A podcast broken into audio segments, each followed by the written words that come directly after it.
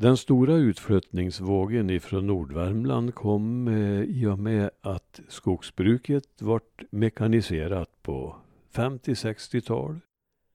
Men även innan dess var det arbetslöshet. På 30-tal, jag vet att far min åkt ända till Trollhättan på cykel för att få jobb.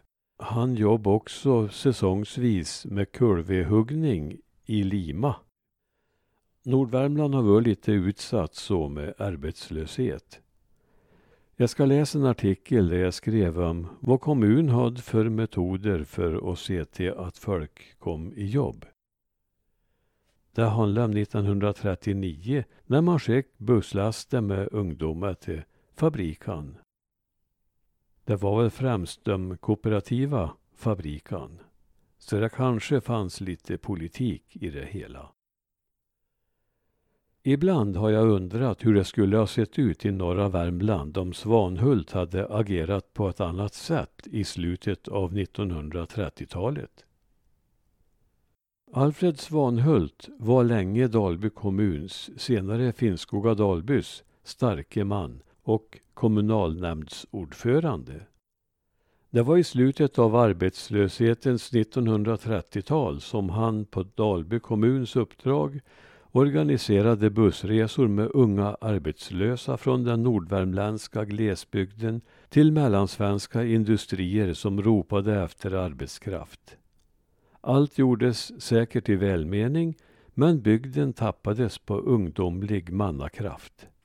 Och att locka industrier till glesbygden var det förmodligen aldrig fråga om på den tiden. Gustavsberg och Västerås var de främsta resmålen. Men visst kan man spekulera i hur det skulle ha sett ut om Svanhult och övriga kommungubbar hade tänkt annorlunda. En som också har funderat kring detta är 87-årige Arvid Olsén från Tustaholmen. Han var en av dessa ungdomar som blev med till Gustavsberg och som stannade där. Ända till pensioneringen blev Arvid och flera andra kvar men på senare år bor han mer på barndomens Tustaholmen än i Gustavsberg. Alternativen var arbetslöshet eller lantbruksskola, säger Arvid. I norra Värmland var det hög arbetslöshet och många åkte till Dalarna på kolvedshuggning sommartid och slet i timmerskogen på vintern. Det som erbjöds var i bästa fall tillfälliga jobb. Några fick arbete på vägbyggen som kommunen organiserade och andra skickades på kurser. Så kom då lockropen från industrierna i söder. Protokollen från Dalby kommunstyrelse berättar om hur Svanhult fungerade som reseledare på resor till Västerås där man slussade in ungdomar på ASEA. Andra resor gick till Gustavsbergs porslinsfabrik som skulle utvidga sedan fabriken 1937 köpts upp av Kooperativa förbundet. Vi var kanske ett tjugotal grabbar i min grupp och året var 1939, säger Arvid. De flesta var från Dalby, men några kom från södra Finnskoga. Andra grupper kom också från Norrland.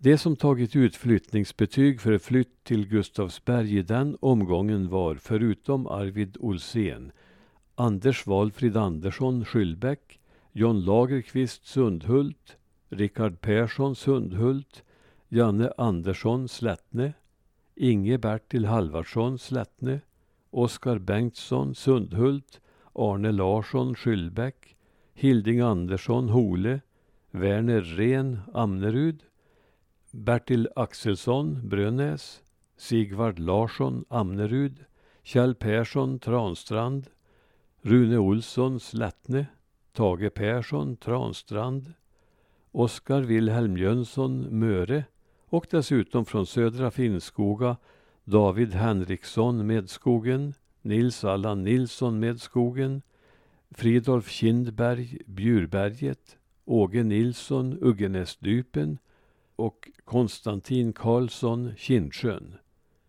Hans Sirén tog ut flyttningsbetyg men flyttade troligen inte. Mycket var annorlunda mot miljön där hemma.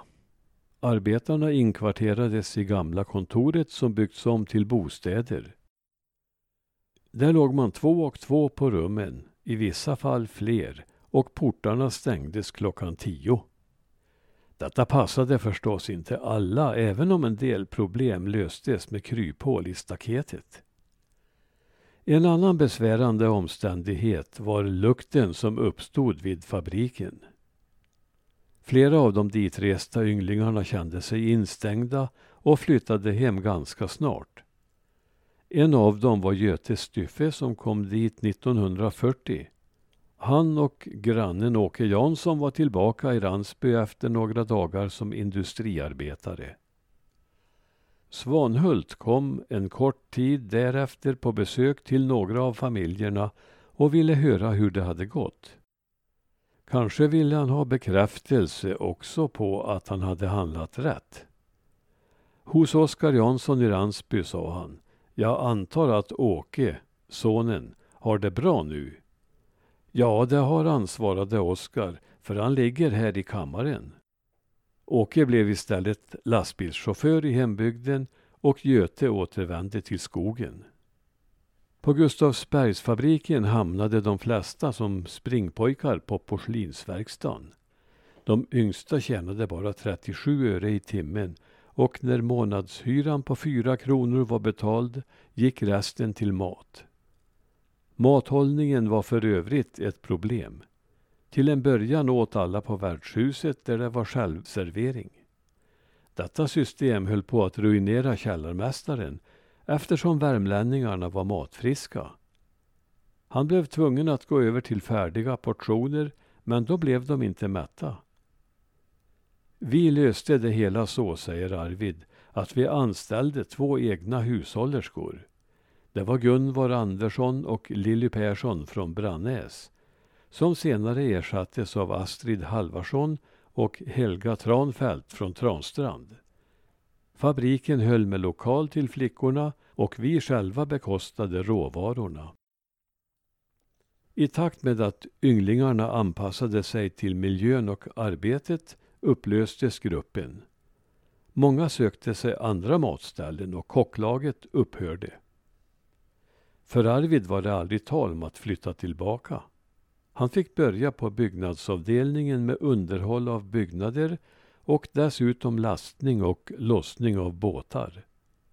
Sedan blev det mer snickeriarbeten innan han hamnade i skogen.